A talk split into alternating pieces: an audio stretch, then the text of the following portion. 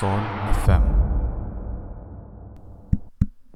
Taigi, sveiki, sveiki, labas vakaras, dar kartą mėlyjei, sugrįžtam atgal į Sol FM su antraja šios dienos laidos dalimi. Tai kaip žinia, mes kalbėjom apie Voiničio rankraštį. Tai iš ties keista, keista rankraštė, apie kurį, na, daug kas jau žino ir tikėtina jūs jau žinote, jeigu klausėtės, arba gal jau žinojot anksčiau, jeigu klausėtės šios laidos.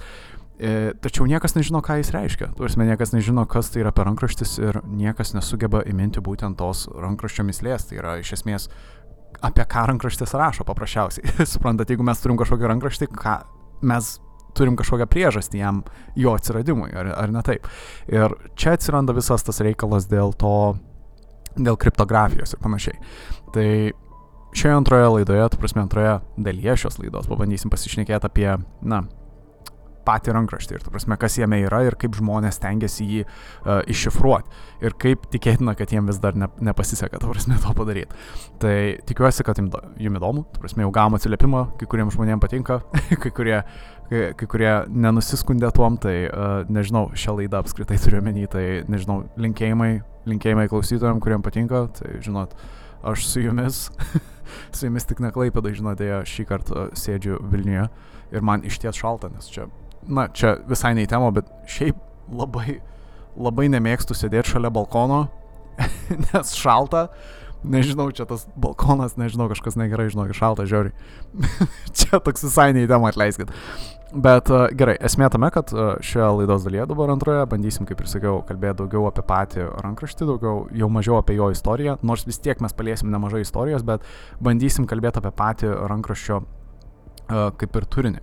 Tai kaip žinia, prasme, jisai yra išties paslaptingas dalykas. Tu prasme, pas rankraštis čia jau, jau Voinišas jį paėmė, suprato, kad jis yra gan keistas. Tai aš kaip ir minėjau, jis atrodo iš ties senas.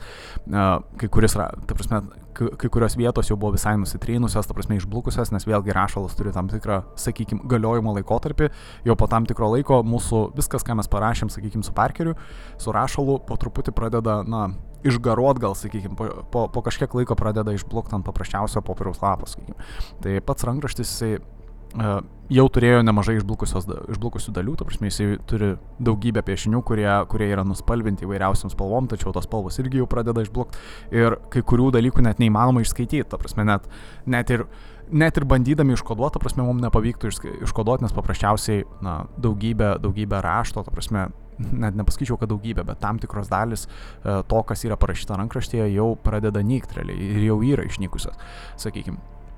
Tai kaip minėjau, Voinišas paėmęs rankraštį, ta prasme, nusipirkęs patį rankraštį, jisai suprato, kad jis yra labai senas. Ta prasme, jisai nežinojo, kurio amžiaus, nes vėlgi, kaip ir minėjau, tuo metu, 20-ojo amžiaus pradžioje, dar nebuvo tų technologijų, tų radio anglės technologijų, ta prasme, radio anglės datavimo technologijų. Nežinau, ar esat girdėję, bet, na, forensinėje technologijoje, ta prasme, apskritai, bandant nustatyti kokį nors, kokį nors uh, daikto amžių, sakykime, daikto ar, ar kūno, ar, ar žmogaus, sakykime, ar kažke, kažką radus, sakykime, jeigu gamtoje mes bandom nustatyti, nustatyti nors, kokį nors uh, nežinau, apytiksliai amžių, kiek, kiek laiko galimai kažkas stovėjo, kažkas negyvo galbūt buvo, mes galim tiesiog naudoti tą technologiją, kitaip vadinamą tą radio anglies datavimo technologiją. Tai kadangi mes jau gyvename moderniais laikais, mes sugebėjom tą padaryti, sakau mes, bet ne visai mes, bet mokslininkai, kurie gavo prieigą Yale universitete, ta prasme, prieiti prie patio, pačio rankraščio, jie naudodami tą radio datavimo, radio anglies datavimo tą metodą, jie nustatė, kad realiai rankraštis turėjo būti, na, galimai galėjo būti apskritai sukurtas, parašytas apie 15 amžiaus pradžioje. Iš vis pačioj pačioj pradžioje, tai mes kalbam apie 1404 metus kažkur plus minus, tai įsivaizduokit. Čia mes kalbam apie tokią seną relikviją, kurios neįmanoma įminti ir, ta prasme, niekas nežino, ta prasme, kaip neįmanoma suprasti, prasme, iš kur jinai atsirado, nei kas ją parašė, nei, nei kas galėjo ją surašyti taip, taip gerai surašyti. Tai vėlgi keli dalykai, galbūt aspektai, ta prasme, kas buvo keista, rankraštis atrodo lyg parašytas ant veidrodžio, prasme, naudojant veidrodinį metodą. Tai nežinau, ar esate girdėję tokį dalyką, bet tarkim, jeigu nori užslėpti kokią žinutę, tu gali pabandyti parašyti, stebėdamas, žiūrėdamas, tarkim, į save per veidrodį. Tarkim, nežinau, ar esate bandę, bet, na, tarkim, aš vaikystėje tokius dalykus mėgdavau daryti, tarkim, mokykloje mus net mokindavo tokių kaip ir pusiau pamokėlių, būdavo ten su tais kripto, kriptografiniais užslaptimais ir panašiai. Tai kaip pavyzdys gali pabandyti parašyti per veidrodį, sakykime, ar ne, ir atrodys tas raštas labai keistai. Dabar dalykas, e, esmė yra tame, kad nors ir atkiši tą, tą uh, rankraštį, ta prasme, priešais veidrodį, tu nieko vis tiek neskaitysi. Tas, tas raštas, ta prasme, tas šifras e, ir, ir tos raidės, jos yra vis tiek išlieka apskritai nesuprantamos. Ir ne tenais rankraštyje nėra dailyraštis, ta prasme, nes kai kurie žmonės bandė spėti, kad galimai rankraštis yra parašytas lotynų kalba paprasčiausia, bet naudojant labai specifinį dailyraštį. E, nežinau, prasme, jeigu mokat labai gražiai rašyti, tarkim, tai jūsų raidės gali atrodyti net nepanašios į raidės, o vos ne kaip meno kūriniai. Ir kai kurie žmonės bandė, bandė na, spekuliavo galbūt daugiau, kad galbūt, galbūt rankraštyje nėra, nėra jokio kodo, paprasčiausiai jisai yra surašytas per veidrodį ir naudojant dailyraštį. Bet tai nepastvirtino, tu prasme, žmonės įvairiausi kriptografai bandė, bandė atsekti, kokio pobūdžio gali būti raidės. Tu gali galbūt lotyniškam alfabete ar lietuviškam, sakykime, alfabete, mūsiškiam, surast panašių raidžių į šio rankraščio raidės, bet tu jų nesugebėsi pritaikyti niekaip, nes net jeigu panašias tas raidės sudėliotum ir kaip nors sudėliotum tą, sakykime, alfabetą, uh, tu vis tiek nesudėliosi jokių žodžių, tu prasme, nesigaus jokia esmė iš to rankraščio. Todėl kai kurie žmonės pradėjo tiesiog mąstyti, kad tai yra klastotė, kad tai yra paprasčiausias, čia taip ūkiškai tariant, mėšlas, kad tai, na, nesvarbu. Bet tas faktas, kad tai yra senas, me, senas rankraštis, kad, tu prasme, tai iš ties yra relikvija, tu prasme, iškelia didelį klausimą, tu prasme, kam žmogui, kuris gyvena, sakykime, 15 amžiuje, uh, tu prasme, naudoti tiek savo laiko, rašant daugiau nei 200 puslapių, uh, kuriant tokį rankraštį su piešiniais, su įvairiausiam iliustracijom, sakykime, ir sudėti tiek daug pastangų į tokį dalyką, kad tai galų gale taptų tiesiog paprasta klastotė ir, na, paerzint žmonės, sakykime. Ir tai paerzint tik tais mus dabar, nes realiai apie šią relikviją labai mažai kas žinojo, apie, apie šį uh, rankraštį. Uh, Ir dabar vėlgi, kaip ir minėjau, 20-ame 20, 20 amžiuje dar kai Voinišas turėjo šį rankraštį, ta prasme, kai jis dar jį laikė su savimi ir ieškojo žmonių, kurie galėtų padėti jam jį iškoduoti, jisai kartu ir pastebėjo dar kitų dalykų, ta prasme, tai kad rankraštyje trūksta lapų. Iš esmės jisai bent jau dabartinis rankraštis, kurį jau mes galim pamatyti ir turim, jisai turi apie 240 puslapį plus minus ir mes vis daugiau randam įkalčių, kad galimai galėjo būti daugiau nei 270 puslapių, to prasme galėjo sudaryti patį rankraštį. Dabar klausimas, kas atsitiko tiem likusiem puslapiam. Na, matot, kadangi pas rankraštis yra plus minus daugiau negu 500 metų senumo, tai tikėtina, kad tos paprasčiausiai lapus jie galėjo dingti arba jos galėjo, na, išplėšti, išsiimti, to prasme, išsilupt.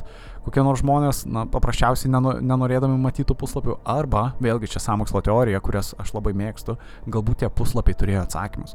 Ir čia yra turbūt ta žiauriausia samokslo teorija, kuri neleidžia man užmėgti, kad o jeigu tarptų, na, pranykusių puslapių, trūkstamų puslapių, buvo kuris nors puslapis, kuris realiai turėjo tą iškodavimą, tą žinutę, kaip galima iškoduoti pačią, na, patį Voiničio rankraštį.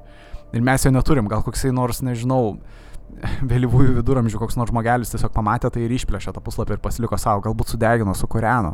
Nu, prasme, nežinau. Tiesiog skaudu žinot, kad galbūt ta samokslo teorija turi kažkiek savo pagrindo, kad galbūt tai buvo iškodavimas ir galbūt iškodavus tą žinutę mes kokią nors paslaptį atskleistumėm apie savo gal net visatą, nes kaip žinia, kiek mes kalbam čia savo mūsų mėgstamom temom apie Solefem, vis dėlto senovės žmonės turėjo tam tikrą senovinę išmintį.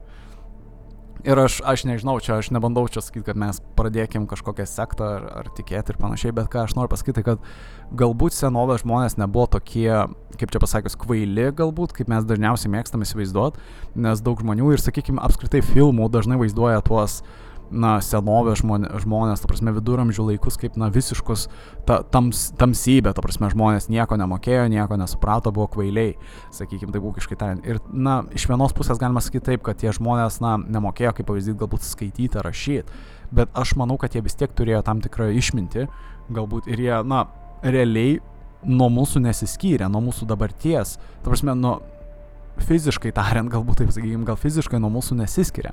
Jie galbūt, na, jeigu jie gyventų dabar mūsų laikais, tai jie galėtų prisitaikyti lygiai taip pat. Na, tiesiog sunku paaiškinti, ką aš noriu pasakyti galbūt, bet esmė tikriausiai suprantat.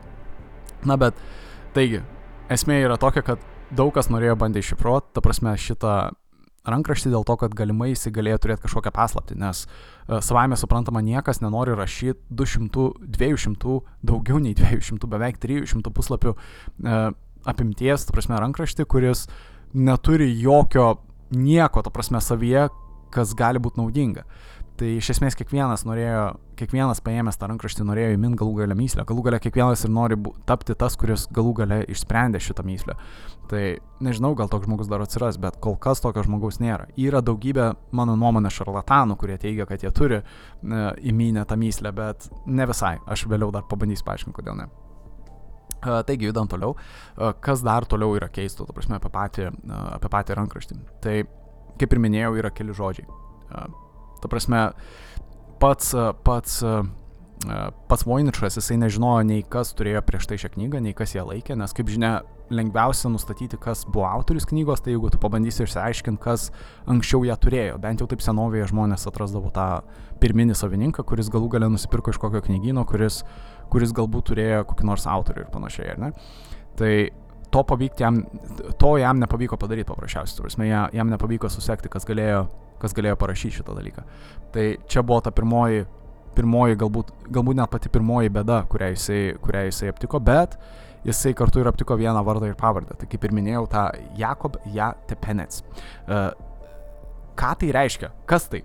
ir kaip ir minėjau, išsiverčia jo pavardė, tai mes kalbam apie Jakobą Sinapijų. Uh, jisai buvo, na, daktaras, farmacininkas. E, jisai buvo ganėtinai žymus, jisai gyveno 16 amžiuje ir kaip žinia, jeigu pats rankraštis plus minus buvo 15 amžiaus pradžioje, kai kurie žmonės prezimavo, kad galbūt čia yra tas savininkas, galbūt čia yra tas autorius, žinot. E, galbūt Jakobas Sinapijus buvo vis dėlto tos knygos autorius. Ta prasme, ne tik savininkas, bet ir autorius. Bet žmonės mano, kad, na, nieks nežino iš tikrųjų, ką tai reiškia. Ta prasme, tas žodis, ta prasme, tas vardas ir pavardė, vėlgi, Jakobas Sinapijus tuo metu, e, bent jau bent jau tuo 16 e, amžiuje, jisai 16 ir 17 amžiuje apskritai, nes jisai gyveno ir 1600 metais, na, jis vėliau. Na, jisai buvo ganėtinai žinomas, prasme, tarp daktarų, tarp visų tų, e, sakykime, informacininkų, tai galimybė yra, kad galbūt jisai turėjo, turėjo tą patį rankraštį su savimi, bet kad jisai jį parašė, na, šansų mažai. Ir apskritai, kaip ir minėjau, pats rankraštis datuojamas yra daugiau nei visų amžiumi prieš šitą daktarą. Tai mes nežinom, ar jisai, na, apskritai galėjo, ap, apskritai galėjo kažkiek įdėti savęs, ta prasme, į tą rankraštį. Galbūt jisai tik užrašė savo vardą ir pavardę, galbūt jisai pamatė, nes žinot, kiekvienas mes, jeigu turim knygą, mes galim paimti su pieštuku tiesiog užrašyti savo vardą, pavardę ir viskas. Tai nereiškia, kad mes parašėm knygą. Supranta. Tai čia yra gan keista, tu prasme, daug, daug kas pradėjo galvoti, bent jau pačioje pradžioje Voiničas galvojo, kad jisai jau įminė myslę ir kad paprasčiausiai čia buvo e, Jakobo Sinapijaus, e, tu prasme, surašytas E, kažkoks kodeksas, kažkas panašaus į kodeksą, kuriame jisai surašė savo žinias, savo žinias, turimas žinias apie alchemiją, apie, apie, apie farmaciją, herbalizmą, ta prasme, apie augalus ir panašiai. Tai čia buvo toksai, na, prezimuotinas dalykas, bet vėliau, kaip ir minėjau, tas radio datavimas leido savotiškai paneigti šią teoriją, kad leido suprasti, kad, kad pats rankraštis yra dar senesnis negu Sinapijus ir tai, kas užrašyta, tas jo vardas ir pavardė užrašyti ant ant rankraščio galbūt yra paties, paties uh, Senapijaus užrašyti, na, užrašyti inicialai galbūt, bet tai tikriausiai ne jo, ne jo ta prasme kūrinys. Jisai ne, nesukūrė šio rankraščio, jisai, jisai tikriausiai jį turėjo kažkurio laikotarpiu galbūt. Nežinau, ar 16 ar 17 amžiuje, gal, gal jisai susidūrė su juo trumpam. O tiem, kam įdomu, tai jūs visada galite pasiskaityti apie patį Snapijų, irgi įdomus, e, na, įdom, įdomi asmenybė, tu prasme, iš ties protingas farmacistas ir daktaras tų laikų, e, prie, prie to paties užsiemęs ir filosofiją, kaip žinia, mėgstu, mėgstame šios dalykus, tu prasme, per Solo FM pašnekėt, bet, e, na, iš esmės taip, jisai įdom, įdomi asmenybė. Tai nemažai tokių įdomių asmenybių pasirodo vis dėlto susidūrę su, šia, su šiuo rankraščiu. Tai galų gale pavyko įminti dar vieną myslę kartu su tuo, kadangi, kadangi Sinapijus nėra savininkas, žmonės toliau bandė ieškoti, na, daugiau mažiau aplink Bohemijos tą regioną žmonių, kurie galbūt galėjo turėti, ta prasme, kažką bendro su tuo, e, su tuo ta prasme, rankraščiu, nes vėlgi e, radio datavimas leido dar kartu nustatyti apytikslę vietą, kur galėjo atsirasti pats rankraštis. Tai išvada buvo padaryta, kad galbūt Italijoje, Italijos kuriam nors regione. Tai vėlgi, knyga gali keliauti, tu prasme, rankraštis lygiai taip pat gali keliauti, kaip ir bet koks kitas e, kūrinys. Tai aš, aš net nežinau, ar aš noriu užbėgti taip labai įvykiam už akių ar ne, bet iš esmės, e, kaip ir minėjau pačioj pradžioje, e, daug kas galvojo, kad pats rankraštis buvo klastotė, pačio Voinišo klastotė. Visi galvoja, kad Voinišas tiesiog nusipirko tuščią, uh, tuščią rankraštį, Visme visiškai tuščius lapus, sakykime, ir ant jų pradėjo rašyti ir piešti. Ir vėliau bandė, bandė tą, na, taip ūkiškai tariant, priduot kaip, kaip kažkokį, na, keistą relikviją ar kažką panašaus. Ir daug žmonių iš ties taip mane iki pat, iki pat tol, kol ne per seniausiai iš tikrųjų, e, ne per seniausiai buvo rastas laiškas, e, labai labai senas laiškas, dar 1639 metų laiškas, kuriame yra aprašomas šitas dalykas, ta prasme yra aprašomas šitas metraštis. Tai šitas Voiničio metraštis pirmą kartą buvo užsimintas būtent 1639 metais. Radio datavimas, tas radio anglijas datavimas, kaip ir minėjau, duoda mums užuominą, kad pat me, pats metraštis ga, galimai galėjo būti sukurtas, galbūt pradėtas rašyti ar užbaigtas rašyti kažkur 15 amžiuje, galbūt jo pradžioje, net 15 amžiaus. Bet konkrečiai apie patį metraštį rašo ir apie jo turinį, tą keistą turinį, rašo dar 1639 metais. Tai apie tai parašė e, Georgas Barešas, jisai buvo 17 amžiaus alchemikas iš Pragos. E, nežinau, ar esate girdėję apie jį, aš pats su alchemija nesu susidūręs, bet kaip žinom, alchemija yra tam tikras, kaip ir mūsų dabartinės chemijos, galbūt protėvis, toks ne visai gal giminaitis, toks ne visiškai šimtų procentų, bet alchemija vis tiek davė tam, tikras, na, tam tikrus vaisius galbūt mūsų mūsų dabartiniai chemijai, galbūt ne visiškai tokius mokslinius, bet vis tiek. Uh, taigi, jisai buvo 17 amžiaus, kaip ir minėjau, alchemikas ir jisai tam tikrų momentų jisai tam laiške, jisai tam laiške jisai rašo, kad jisai turi uh, vadinamąjį sfinksą uh, savo namie, kuris, kuris guli, guli ir užima vietą, ta prasme, jo, jo turimoje bibliotekoje. Čia gan keistas išsireiškimas, ta prasme, bet ne, iš esmės tiesiog jisai turėjo tą rankraštį, kuris, aišku, jisai nenurodė, kaip jisai atsirado pas jį, bet jis tiesiog pasakė, kad jo bibliotekoje guli, guli rankraštis, kuris, kurio jisai negali išskaityti, kurio jis negali suprasti ir jisai nežino, kas tai yra, ta prasme, kokia jo yra esmė to rankraščio. Bet savai savame suprantama ta keistenybė, ta mislė. Uh, ba Barešui, ta prasme, Georgui Barešui, tam minėtam alchemistui, ta prasme, jį labai traukia šitas dalykas, jisai irgi norėjo išsiaiškinti pačią myslę. Tai daugybę metų jisai bandė ieškoti atsakymų, kaip savame suprantama, telefonų ir interneto tuo metu nebuvo. Ta prasme, žmonės negalėjo tiesiog išsiųsti nuotrauką, sakykime, draugui į Ameriką ar kažką panašaus padaryti, kad pasižiūrėti ir, ir padėti pasiaiškinti, formų nebuvo. Žmonės dažniausiai ieškodavo atsakymų per publiką. Tai tais laikais žmonės paprasčiausiai išgirdavo legendas, tarkim, apie kokį nors graiką, kuris labai gerai iššifruoja tam tikrus dalykus. Ir tuo metu, e, tuo metu bent jau tam 17 amžiuje, e, prasme, labai aktualu buvo išsiaiškinti hieroglifus. E, kaip žinia, egiptiečių menas, ta prasme, egiptiečių apskritai egiptiečių kalba ir jų, ir jų rašmenys, ta prasme, jų hieroglifai buvo mislė iki pat, iki pat Napoleono laikų. Prasme, žmonės nežinojo, ką reiškia, ką reiškia, na, ta prasme, tie hieroglifai iki pat, iki pat tol, kol Šampolionas, tai kaip ir minėjau, Napoleono laikai, uh, sugebėjo iššifruoti visą tai naudojant rozetos akmenį. Uh, nežinau, ar esate girdėję, bet istorija yra išties gera, bet uh, čia vėlgi su to iškodavimu dar kalbėsim. Bet esmė paprasta, tai Georgas Barešas, jisai surado asmenį, jisai išgirdo apie, apie žmogų pa, pa, vardu ir pavardę Atanasijus Kiršer. Aš čia atleiskite, jeigu aš su uh, aš suklydau, Atanasijus Kiršeris, gal pasakysim taip, su, su lietuvinsim galbūt šiek tiek tą žmogų. Jisai išgirdo apie jį, kadangi jisai, jisai gyrėsi, kad jisai pagaliau iššifravo egiptiečių hieroglifus. Kaip žinia, visi gyrėsi tokiais dalykais ir panašiai, bet, na, Atanasijus jisai neiššifravo egiptiečių hieroglifų, čia, čia faktas, jisai tiesiog gyrėsi, kad tą padarė, bet, na, čia melas, jisai šiek tiek kaip ir šarlatanas, mano mėgiamas žodis čia, bet jisai neiššifravo, ne, neiššifravo egiptiečių, ne, egiptiečių, to prasme, hieroglifų, visiškai ne. Bet jisai tuo pradėjo girtis ir, na, tą išgirdo mūsų Georgijus Barešas ir jisai išsiuntė būtent tą laišką na, e, Kircheriui, prasme, Kircheriui galbūt, nežinau kaip išversti tą pavardę, ir su to paklausimu, kad ar jam negalėtų padėti, prasme, iššifruoti to uh, dabar prasme, būtent to metraščio, metraščio, sakau, rankraščio, atleiskit, e, ar negalėtų padėti iššifruoti rankraščio ir jo mislių, ta prasme, jo turinio apskritai.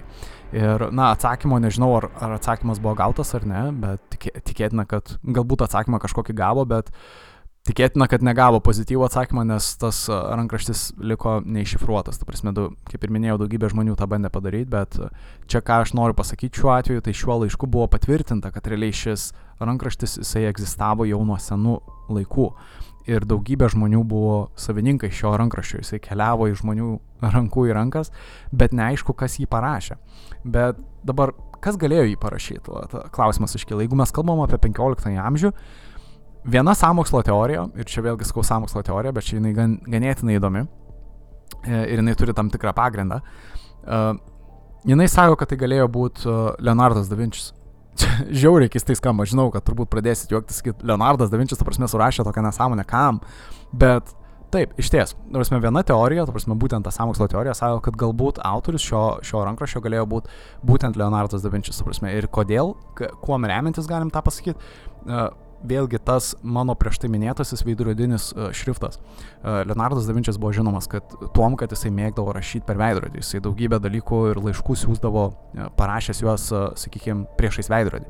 Tarkim, jeigu žmogus gaudavo iš da Vinčio, kaip pavyzdys, kokį nors, nežinau, laišką, kokį nors siuntinį ar kažką užrašyto, dažnai žmonės tiesiog negalėdavo taip paprastai išskaityti, jam reikėdavo rasti veidrodį pirmiausia ir tada tik tais, na, veidrodį arba, sakykime, kokį nors vandens telkinį ar kažką ir atsistoja priešais jį, tik tada galėdavo iššifruoti, kas parašyta, arba, na, aišku, įdėmiai labai žiūrint ir daugmaž iššifruot galvoj. Tai Leonardas da Vinčias mėgdavo rašyti tai per veidrodį ir, ir kaip matyti iš pačio, iš pačio rankraščio, jisai rašomas yra lyg su ta technika naudojant veidrodį. Nes kai žmogus rašo per veidrodį yra galima tą pastebėti, ta prasme, tai, tai matosi, ta prasme, realiai išrašto. Ir tai, kaip tas rankraštis yra parašytas, yra labai keistai parašytas, ta prasme, yra sunku man išaiškinti, bet pasižiūrėjus į tą, į tą patį šriftą, atrodo vos neaišku, kad jisai turėjo būti parašytas šiek tiek kitaip, galbūt pasikreipus kaip nors ar, ar kitaip. Ir, ir dar daroma yra išvada, kad galimai įrašė iš kairės, na, naudojant kairę ranką kaip pavyzdys. Tai kairė rankis buvo ir Leonardas da Vinčius, žinomas, tu prasme. Tai čia vėlgi tokie du, du tokie uh, mini galbūt labai mažos, ma, ma, mažos užuominos galbūt į tai, kas galėjo tai būti. Prasme, galbūt Leonardas da Vinčius surašė būtent šį, šį rankraštį, bet vėlgi, žmonės, aš nesu patikimas šaltinis, čia tik tai samokslo teorija, nepamirškit, bet fantazija leidžia pasukti. Ir tai iš ties tampa įdomu. Tai iš ties. bet kas galėjo būti dar iš tų autorių? Na, iš ties sąrašas yra nemažas. Aš nebandysiu čia meluot, nebandysiu čia dabar kiekvieno išdėstyti. Sąrašas žmonių, kurie galėjo parašyti, irgi yra nemažas, nes nemažai žmonių mokėjo rašyti tuo metu, nemažai žmonių buvo išsilavinusių ir apskritai tuo metu, jeigu tu mokėdavai rašyti ir skaityti, tai tu būdavai labai labai, na, inteligentiškas, ta prasme, kaip čia pasakius, tada tu jau mokėdavai viską, kaip čia pasakius. Šiais laikais žmonės, ta prasme, visi moka skaityti, praktiškai visi moka skaityti ir rašyti, sakykime, bet tais laikais, jeigu tu jau mokėdavai ir skaityti ir rašyti, tai tu realiai viską mokėdavai. Tai tam tikras sąrašas žmonių, kurie tą mokėjo daryti yra ir kadangi jie mokėjo ir skaityti ir rašyti, tai darytina ir išvada, kad jie tikriausiai galėjo ir, ir padaryti kažką panašaus į šitą rankraštį. Dabar klausimas dėl tų visų kodų ir, ir panašiai. Dabar kaip tą iškoduoti? Ir va aš tą ir minėjau su rozetos akmeniu. Vasme, žmonės, kaip jūs manot, kodai yra iškoduojami? Tai prasme, dažniausiai, jeigu, tarkim, tu ir aš sugalvotumėm susirašyti kaip nors užkoduodami savo žinutės, ar ne, tai mes naudotumėm kokį nors šriftą. Tai paimkim kokį nors paprastą šriftą, kaip pavyzdys e, Cezario šriftą, ar ne? E, nežinau, ar esate girdėję, bet Cezario šriftas yra labai, na, labai paprastas toks primityvus uh, šriftas. Tai jeigu tu nori kokią nors žinutę perduoti, tai kaip pavyzdys labas, ar ne, žinutė. Tai vos penkios raidės ir vietoj tų penkių raidžių, tai tu pabandyk paslinkti alfabetą į kokias per dvi, per dvi, na, per dvi raidės. Tai labas gausis, na vėlgi aš čia nebandysiu taip mintimis išvers, bet uh, savame suprantama, tarkim, vietoj B bus D, tarkim, vietoj L bus N raidė ir panašiai. Tai žodis gausis visiškai neaiškus, bet kadangi tu ir aš mes esam susitarę ir mes žinom, kad čia yra Cezario šriftas ir tau tai reikia per, per dvi raidės pastumti atgal patį žodį, tu prasme patį, patį dalyką, kurį užrašiau, tu gali lengvai labai šifruoti patį raštą, ar ne? Tai čia yra tas toksai bendrinis, bendrinis tas kriptografijos galbūt principas, tas susijęs su Cezario šriftu, ar ne? Bet čia nėra Cezario šriftas, mes kalbam apie simbolius, mes kalbam apie, apie visai naują, apie naują rašymą. Tu prasme, kaip ir minėjau, apie tą tiesioginį rašymą, tą pastovų įrašymą, kuris leidžia suprasti, kad žmogus, kuris rašė tai, iš ties gerai žinojo, ką daro. Tu prasme, tai tas žmogus arba mokėjo gal net kalbėti tą kalbą, arba tas žmogus tiesiog, tas žmogus rašė kam nors, gal buvo tai kokia nors grupuotė, nežinau, gal, gal tai yra kokia nors sekta tuo metu, veikianti 15 amžiuje, kas nebūtų keista, ta prasme, nes tuo metu buvo daugybė, ta prasme, religinių bendruomenių. Ta prasme, ne tik dominavo, sakykime, tos didžiosios religijos, bet apskritai buvo daugybė denominacijų. Tai ką, ką aš turiu menį, tai kad galbūt, e, ta prasme, tuo metu tokie užkoduoti pranešimai tarp tų denominacijų būdavo įprasta.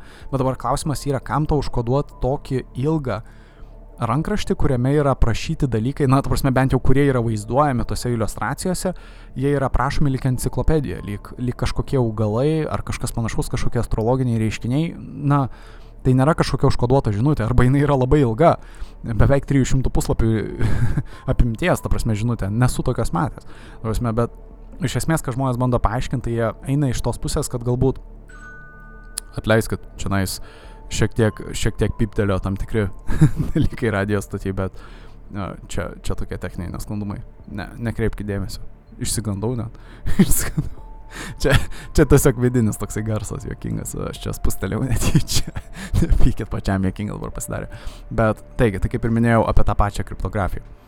Uh, tai vėlgi, čia visai man dabar atleiskit, nors mes smegenis išsikraipė, nors me be, bešnekant šiek tiek su, sutrikau gavęs skambutį, žinot. Tai čia nekreipkite dėmesio vidinis buvo. Bet esmė labai paprasta. Um, kalbant apie kriptografiją, tai kaip ir minėjau, Cezario šriftas yra labai paprastas, bet čia mes nekalbam apie Cezario šriftą, nes mes nepažįstam raidžių, mes nežinom, kaip, kaip tą iššifruoti, prasme, realiai, nes mes nežinom, nuo ko pradėti. Tai ką tokiu atveju tu darai? Tai tokiu atveju tau reikalingas tas vadinamasis raktas. Tu turi turėti kažkokį tais raktą. Ir iš to atsiranda ir tas rozetos akmuo. Ir tie trūkstami mūsų rankraščio puslapiai. Tai kaip ir minėjau, rankraštis nėra pilnas. Jame mat, matosi, to prasme, rankraštyje, kad nors ir puslapiai yra sunumeruoti, tačiau kai kurie puslapiai yra senesni, kai kurie puslapiai yra naujesni. Tai tikėtina, kad pats rankraštis buvo rašomas labai pastovų laiką, ta prasme, kurį laiką, ta prasme, ganėtinai ilgai. Ir ne su vienu prisėdimu, kitaip tariant. Ir jisai buvo tikriausiai surušiuotas, sudėliotas kitaip. Ta prasme, tie puslapiai nebuvo sunumeruoti taip, kaip jie yra sunumeruoti dabar. Juos kažkas kitas sunumeravo. Tas, kas galbūt rado tą rankraštį, ta prasme, jį sukomplektavo taip ir paprasčiausiai sunumeravo. Čia, nežinau, taip suarchivavo. Bet uh, žiūrint iš pačių puslapių turinio ir, ta prasme, kaip jie, na, vienas kitą lydi, tikėtina, kad, ta prasme, tie puslapiai, jie, jie galbūt buvo sudėlioti kitą eigą. Ta prasme, kitaip ta numeracija turėtų būti kitokia. Bet kartu ir yra trūkstami puslapiai, kurie, vėlgi samokslo teorija, kuri teigia, kad galbūt tarptų trūkstamų puslapių buvo ir puslapis, kuris būtų kaip ir mūsų rozetos akmuo, kuris leistų iššifruoti, kuris būtų tas raktas, tas šifro la, raktas, kuris leistų realiai, na, iššifruoti tai, kas yra parašyta. Ir dėja mes to rakto neturim. Nes kaip aš ir minėjau, realiai jeigu tu nori šifruoti tokį dalyką, tau reikalingas yra realiai raktas. Nes tu nepažįsti simbolių. Tu nežinai, ką jie reiškia, tu nežinai apskritai, ar jie reiškia, tarkim, nežinau, dvi raidės arba, arba tris ar, ar panašiai, ar galbūt vieną raidę. Tu nežinai, ką jie reiškia. Tu paprasčiausiai negali pradėti, tau reikia kažkokios pradžios. Ir ką aš turiu omeny su rozeta akmeniu, tai paprasčiausiai, na, Šampolionas tikėtina, kad jam nebūtų pavykę dar Napoleono laikais, ta prasme, e, iššifruoti egiptiečių hieroglifų, e, jeigu jis nebūtų radęs tos rozetos akmens. Rozetos akmuo, tai kaip žinia, yra tiesiog akmuo, ant kurio yra e, pateiktas, pateiktas vertimas, galbūt ne, kaip čia pasakius, vertimas e, du, dvikalbis, dvikalbis galbūt ra, akmuo, kuris yra dvikalbis, kaip čia nais dar pasakius. Įsivaizduokit kaip sutartį, ar ne? Tu, turėkime omeny, tarkim, dvikalbė sutartis. Viena turim sutartį su dviejais stulpeliais, ar ne, viename stulpelėje lietuvių kalba, kitame stulpelėje anglų kalba. Turint tokį turint, turint tokią dvikalbę sutartį mes galim išsiversti bet kurią iš kalbų, ta prasme, naudojamų, tai lietuvių arba anglų. Tai jeigu, tarkim, aš nesuprantu lietuvių kalbos, bet aš suprantu anglų kalbą, aš galiu pasimti tą sutartį ir tai jinai, ta sutartis man taps kaip ir rozetos akmuo, aš galėsiu po truputį šifruoti lietuvių kalbą apskritai visame kame. Tai čia lygiai taip pat ir galioja su, su tais hieroglifais, ta prasme, egiptiečių. Šampolionas, jisai pamatęs, e, pamatęs rozetos akmenį, jisai suprato, kad viena, viena iš rozetos akmens pusių kalba graikiškai, ta prasme yra aprašyta graikiškai, o kita pusė yra hieroglifai, ta prasme, egiptiečių hieroglifai. Ir žinoma, be abejo, tai yra labai sudėtingas procesas, ta prasme, viską šifruoti ir, ta prasme, skleist kalbą ir jos paslaptis, bet Šampolionas sugebėjo tą padaryti. Ir taip mes ir turim dabartinę egiptologiją, ta prasme. Apskritai mes turėjome egiptologiją dar ir prieš Šampolioną, bet mes dabar turim ją kur kas gyvesnė, mes galim atskleisti, ką reiškia tie hieroglifai. O dabar ką reiškia būtent Voiniko simboliai, Voiniko šriftas. Tai nieks nežino. vo, vo, vo, voiničia, voiničyzas, ar kaip jisai vadinasi tas, tas pats, ne, pats šriftas, bet tai iš ties keistas, keistas šriftas, kuris, kaip ir minėjau, galbūt surašytas kairė ranka, galbūt priešais veidrodį. Jo, ta prasme, jo neįmanoma pritaikyti prie lotyniško alfabeto, nes kai kurių raidžių yra tiesiog paprasčiausiai tų raidžių, jeigu mes atskirtumėm, yra daugiau, daugiau negu yra alfabete mūsiškiam, tai mes nelabai galim tą, na, išskirti išskiemenuot kaip nors, nežinau, net nemoku paaiškinti, ką tie simboliai gali reikšti. Ir iš esmės kiekvienas filologas, mokslininkas, matematikas, kurie prisėdo, to prasme, prie rankraščio, jie dėjo savo pastangas ir jie teigia, kad jie iššifravo tą rankraštį ir kad jisai reiškia tarkim, yra tiesiog paprasčiausia enciklopedija ar kažkas panašaus, bet tai nėra tiesa, nes toje enciklopedijoje yra teikia, na, pateikiamos iliustracijos, kurių paprasčiausiai gamtoj mūsų nėra. Nors įvairius, įvairius keisti piešiniai ir panašiai. Ir tie šarlatanai, kurie sako, kad jie iššifravo šitą rankraštį, jie paprasčiausiai sako, kad ne. E, čia tie, tos iliustracijos yra tiesiog be ryšio, jos yra šiaip savo, tiesiog nu, nupaišytos be reikalo. Na, tiesiog nesąmonės, tipo. Bet, na, aš nesuprantu, aš, aš, aš nežinau, kaip tą kitaip pasakyti, aš manau, kad tie žmonės dar neiššifravo. Ir dar niekas dar kol kas neiššifravo to uh, Voiničio uh, rankraščio. Ir viena iš tų esmių, kodėl tikriausiai neiššifruos galbūt niekad šito rankraščio, yra dėl to, kad trūksta mums to rakto, to rozetos akmens. Nes kaip ir minėjau, jeigu, tarkim, aš pradėčiau rašyti keistų šriftų, bet kartu aš tau duočiau, tarkim, šrifto atsakymus į tą šriftą. Aš tau sudėliočiau alfabetą, paprasčiausią lietuvišką, sakykim, ir, ir nurodyčiau, ką kiekvienas simbolis reiškia. Tu turėtum raktą, o aš turėčiau tau šifruotą, ta prasme, žinutę, kurią aš tau perduočiau. Tai kaip pavyzdys, aš tau duodu tą žinutę, tu gali šifruoti tą, tą žinutę ir tu žinai, ką aš tau parašiau. Tuo tarpu, jeigu kažkas kitas paima mūsų laišką, jis nežino, ką tai reiškia, nes jis neturi raktą. Tai tokia ir yra esmė tokių paprasčių. Čia, čia tokie labai paprasti kriptografijos galbūt pagrindai, gal taip čia pasakius. Yra raktas ir yra tas šifruotojas, tu prasme. Tai aš užšifruoju, tu iššifruoji. prasme, užšifravimas ir iššifravimas. Galų gale, kaip pavyzdys, mes kalbėjom apie, apie uh, radio stotis, kurios leidžia tik tais uh, skaičius, ar ne? Skaičių radio stotis. Uh, kaip pavyzdys, tai ir, irgi yra savotiškai kriptografija. Jeigu tu neturi rakto, tu negali žinot, ką tai reiškia. Tai kaip pavyzdys, aš tą pasakyčiau 167, tarkim. Na, tarkim, 1672. Niekas nežino, ką tai reiškia, bet jeigu aš su tam susitariau, ką tai reiškia, tarkim, ką, šitie, ką šitos raidės gali reikšti, tu gali iššifruoti tą, tą žodį ir galbūt tai yra alio, tarkim, galbūt aš tą pasakiau keturių, kai turiu keturių raidžių žodį, tiesiog paprasčiausia alio, žinai, vienas, vienas, šeši, septyni, du, tarkim, ar kažkas panašaus. Ir kadangi tu turi raktą, tu, tu gali tai iššifruoti. Tuo tarpu kiti ne, kiti tik tais girdi kažkokius skaičius ir nežino, ką jie reiškia. Tai lygiai taip pat mes dabar žiūrėdami į tą Voiničio rankraštį, ką mes matom, tai mes matom nesuprantamo šriftą, kuris yra parašy, parašytas tikėtina nesuprantama kalba ir mes turim begalę, begalę, na, įvairiausių teorijų, kas tai gali būti. Ir, na, kaip ir minėjau, viena iš tų teorijų, ta baugiausių, galbūt mano nuomonė teorijų, ir kuri yra labiausiai samokslo teorija, tai yra tai, kad e, tai, kas yra parašyta, tikėtina yra Babelio kalba. Tai yra toji pradinė pirmykštė biblinė kalba apskritai, E, kurią galbūt kalbėjo ir rašė žmonės, kurie buvo apskritai na, prieš mus, prieš mūsų tą modernę, galbūt civilizaciją, prieš tą Mesopotamijos civilizaciją, sakykime. Tai prieš Šumerą, prieš Akadus, prieš visą tai. Tai čia labai, labai keista teorija galbūt ir labai, na, baisio, baisoka, ta prasme, teorija, bet jūs žinot, kad Solio FM mėgsta šitokius dalykus, aš visame mėgstu apie tai išnekėti. Tai nepamirškit, pagalvokit ir jūs apie tai. Nežinau, kaip jūs galvojat, tu prasme, kas galėtų būti parašyta tame metraštyje, tu prasme, metraštyje, vėlgi sakau, rankraštyje, kas galėtų būti užslėpta tame Voinišaus rankraštyje, nes, kaip žinia, jisai išli, išliko paslaptis ir iki šiol, žinokit, nes, bet man tai, mane tai tiesiog užveda, žinokit, nes sakau, tikrai, tikrai siūlau kiekvienam dabar tiesiog internete nueiti ir tiesiog čia taip aukiškai sakau, pasigūglinkit Voiničio rankraštis ir dabar mes rasite daugybę nuotraukų, jums net nereikia ten registruotis į Yale universiteto, sakykime, tą skaitmeninę biblioteką, jums nereikia tenais nieko mokėti pinigų, jūs galite pamatyti jau kelis tos puslapius ir pamatysit, ką aš turiu menį. Iš ties tie, sakykime, tos iliustracijos, tie piešiniai, jie yra iš ties senoviniai, ta prasme, piešiniai ir matosi, ta prasme, ir pats pats tas šriftas yra senovinis, viskas atrodo taip senoviniai ir pats, e, pats stilius ir ta stilistika, kaip buvo rašoma, iš ties atitinka to 15 amžiaus stilistiką, kaip buvo rašoma. Tu prasme, kokie buvo laikomi tarpai tarp eilučių, kokie buvo laikomi tarpai tarp paraščių ir panašiai, labai atitinka būtent tą stilistiką. Tai yra iš ties 15 amžiaus plus minus uh, rankraštis.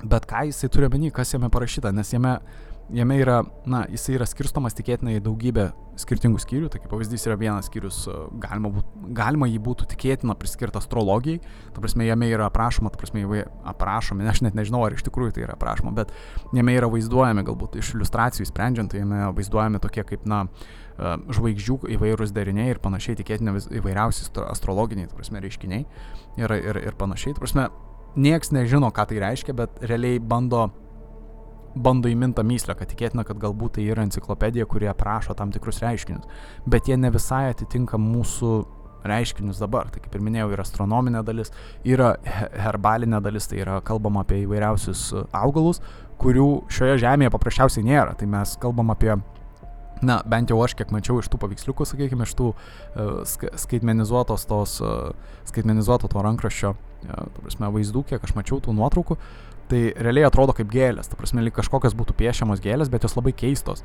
Ta prasme, jos, na, iš ties keistai yra nupieštos. Ir, ir na taip, seniau, senovėje žmonės taip rašė įvairias, uh, įvairias enciklopedijas ir, ta prasme, irgi piešia įvairiausias iliustracijas, jūs galite rasti, ta prasme, 15 amžiaus senovinės iliustracijas, ta prasme, žmonės uh, žmonės, ta prasme, kurie kūrė tuo metu buvo autoriai įvairių enciklopedijų, ta prasme, jie, jie lygiai taip pat kaip mes įsivaizduokime, jie piešia paprasčiausiai įvairiausius gamtos reiškinius, bet enciklopedijos jos turėdavo būti kuo, e, kaip čia pasakius, kuo tikslesnės, jos turėdavo, turėdavo parodyti, ta prasme, kokį nors nemoku paaiškinti, prasme, tą dalyką, apie kurį išneka.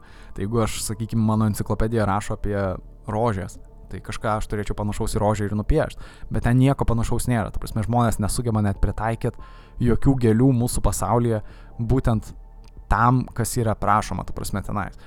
Neaišku, kokias ten gėlės. Kai kurie dėl to ir filosofuoja, kad galbūt tai yra kalbama apie Babelio laikus. Galbūt tuo metu augo kitokie, kitokie augalai. Galbūt tuo metu augo kitokie, na, kitokie gyvūnai. Ir galų gale žmonės kalbėjo kitaip, rašė kitaip, ir galų gale žmonės matė kitokį dangų prasme, astronomiškus reiškinius, gal, galbūt man, matė kitokius.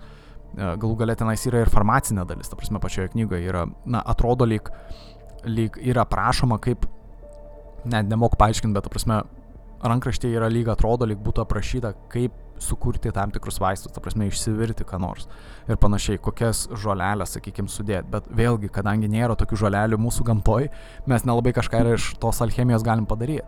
Tai teorijų yra daugybė, žinokit. Kai kurie žmonės teorizuoja, kad galbūt čia yra tas mistinis uh, filosofinis akmuo, tas, uh, tas akmuo, kurį sumaišius su kokiais nors metalais, galėtų paversti tos metalus auksu. Arba, nežinau, kokia nors nežinau, atsakymai į, į nemirtingumo eliksyrą netgi. Čia net juokingai skamba, bet kaip tarkim iš tų žolelių susikurti nemirtingumo, ta prasme, yra amžina gyvenimą. Iš ties atrodo keista ir kiek žmonės prisigalvoja, ta prasme, įdomių dalykų, kai jie paprasčiausiai negali įminti, kas yra parašyta.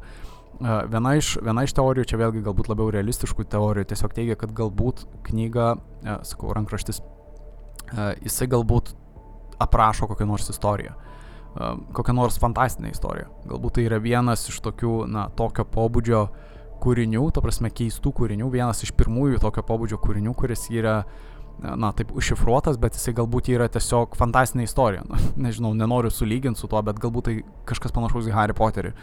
žinau, pirmąją dalį, žinot. Ir, ir galbūt, na, to, toks toks rankraštis buvo išleistas, bet nieks nežino. Tu prasme, kai kurie teorizuoja, kad galbūt tai buvo vienas iš pirmųjų tokių, tokių, tokio pobūdžio kūrinių ir jisai yra būtent užšifruotas todėl, kad tuo, tuo metu e, na, rankraščiai negalėdavo būti, na, ant, į rankraščius nebuvo galima taip rašyti tokio pobūdžio dalykų, ta prasme, tokių be, be nereikalingų. Vasme, jau rankraštis vis tiek toksai yra labai oficialus, vis tiek ir prabangus galbūt dokumentus ir panašiai, ir ta galimybė rašyti jau yra kaip ir prabangi, prabangios žinios. Tai išvaistyti visą tai tiesiog ant kažkokių istorijų, tokių kaip Harry Potteris ir panašiai, tuo metu būdavo keista. E, tai ką žmonės darytų, darydavo tuo atveju, jie, jie pateiktų tą istoriją labai, labai vangiai, abstrakčiai ir jie naudotų šifrą, kad niekas negalėtų atskleisti, kad tai yra tiesiog paprasta e, ir keista istorija, galbūt surašyta toje knygoje, e, ta, tose rankraščiuose tiksliau. Tai realiai taip, čia yra tokia Voiničio rankraščio istorija kiek aš bent jau ją prisimenu ir kiek aš ją apsirašiau ir čia nais jums papasakau. Tikiuosi per daug klaidų nepadariau ir vėlgi galite rašyti, skambinti ir skūstis ir, ir šaukti ant manęs, kad aš čia daugybę dalykų galbūt praleidau, galbūt vieno kito savininko nepaminėjau ir panašiai, gal kokią datą suklydau. Tikrai atsiprašau, galėjau tą padaryti netyčia, bet vėlgi, kaip ir minėjau, virš visko šių laidų esmė yra supažindinti jūs, sudominti jūs ir tikiuosi man tą pavyko padaryti. Jeigu vis dėlto kažkur suklydau, visada atsiprašau, bet na, naudoju vėlgi viešuosius šaltinius, neturėčiau labai jau daug suklysti, prasme, šiuo atveju viską galite rasti realiai, na, kaip ir minėjau, pačiam Yale universiteto, prasme, publikuojamuose nuotraukose, prasme, tiesiog pasižiūrėjai tą rankraštį ir kartu su juo prirašytą istoriją, prasme, apie, apie patį rankraštį. Tai tikrai viską galite prieiti ir susirasti ir patikrinti patį mane, prasme, na, apskritai universiteto puslapyje. Žinot, vie, viešuosiuose šaltiniuose. Tai tikiuosi, kad per daug jum ne, neprimelavau, bet apskritai vėlgi mes savotiškai ir pramogaujam. Tai nepamirškite žmonės, kad šios radijos stoties esmė irgi yra, na, patrauktis link to, žinot, link tos mistikos. Vis tiek būtų neįdomu, jeigu ta istorija, ma, maniškia istorija užsibaigtų tuo, kad viską mes iškodavom. Ne. Ši istorija užsibaigė tuom, kad niekas iki šiol neužkodavo, ta prasme, šito rankraščio ir tikėtina, kad niekas ir neiškoduos jo. Bet visada galite pabandyti. Galbūt jūs iškoduosit. Tai jūs galite pabandyti. Aš niekas jums netrukdo. Jūs, jūs visą tą rankraštį nuo 0 iki 100 procentų galite galit susirasti internete, kad ir dabar. Na, žinoma, kai kurie sako, kad galbūt net nepavyks iškoduoti dėl to, kad trūksta tam tikrų puslapių. Kaip minėjau, kaip minėjau bent 30 puslapių tai tikrai trūksta. Žinoma, bent 30 puslapių trūksta šiuo metu. Tai galbūt puslapių būtent jums ir pritrūks, kad galėtumėte 100 procentų iškoduoti, žinot. Bet gal jūs turit kokį nors rozetos akmenį savy, galbūt jūs galite iškoduoti, galbūt jūs esate tas. Nežinau tik tais, ar, ar siūlo kažkam pinigų už tai. Nes žinot, kaip čia sako tradiciniam lietuviui, jeigu pasiūlysi pinigų už iškodavimą ar už kokį nors darbą, tai žinot, jau sekančią dieną iškodos. Tai čia jeigu pasakytų, gausi kokį, nežinau, kiek čia. Nu, tie universitetai tikriausiai labai daug pinigų neduotų. Nu, tai kokį, nežinau, iki milijono eurų, eurų sakykime, nes vėlgi, matot, už matematinius, tarkim, uh, už matematinės axiomas, kaip pavyzdys, jų įrodymus, prasme, irgi duoda apie kažkur milijoną eurų, ar ne? Tai, sakykime, jeigu čia irgi duotų milijoną eurų, na, jau, jaučiu lietuvis iš karto rastų būdų, rastų būdų kaip nors, tu prasme, iškoduoti. Na, bet čia nesvarbu, čia, čia tik šiaip pajokau. Uh, taigi, nežinau, laikas man jau kaip ir pasitraukti, palikti jūs ramybėj, duoti pasiklausyti geros muzikos kaip visada. Ir nežinau, tikiuosi jums patiko. Jeigu ar, pat, ar patiko ar nepatiko, visada parašykit, visada malonu. Žinokit, visada mėgstam šitos tiek kritiką, tiek palaikymą, mes visus šitus dalykus mėgstam ir viską priemam. Ir nežinau, laukiam kitos savaitės ir kito penktadienio ir vėl šnekėsim įdomiamis temomis. Jeigu norit sužinoti kokiam temom, tai kaip visada sekit mus per Facebooką, per Instagramą, pamatysit vėl mūsų užduodamą myslę, kurią irgi galėsit pabandyti iškoduoti, apie ką mes šnekam. O iki to laiko galim susitikti dar rytoj. Rytoj tiesiogiai 9 val. vakaro kalbėsim apie, na, nežinau, ar jau verta slėpti ar ne, bet kalbėsim apie masonus, apie laisvuosius mūrininkų žmonės, kalbėsim samokslo teorijom, pramogausim. Tai taip, iki to laiko linkiu gražaus vakaro, ramaus vakaro ir sėkmės. Iki iki. Likit toliau su SolFM.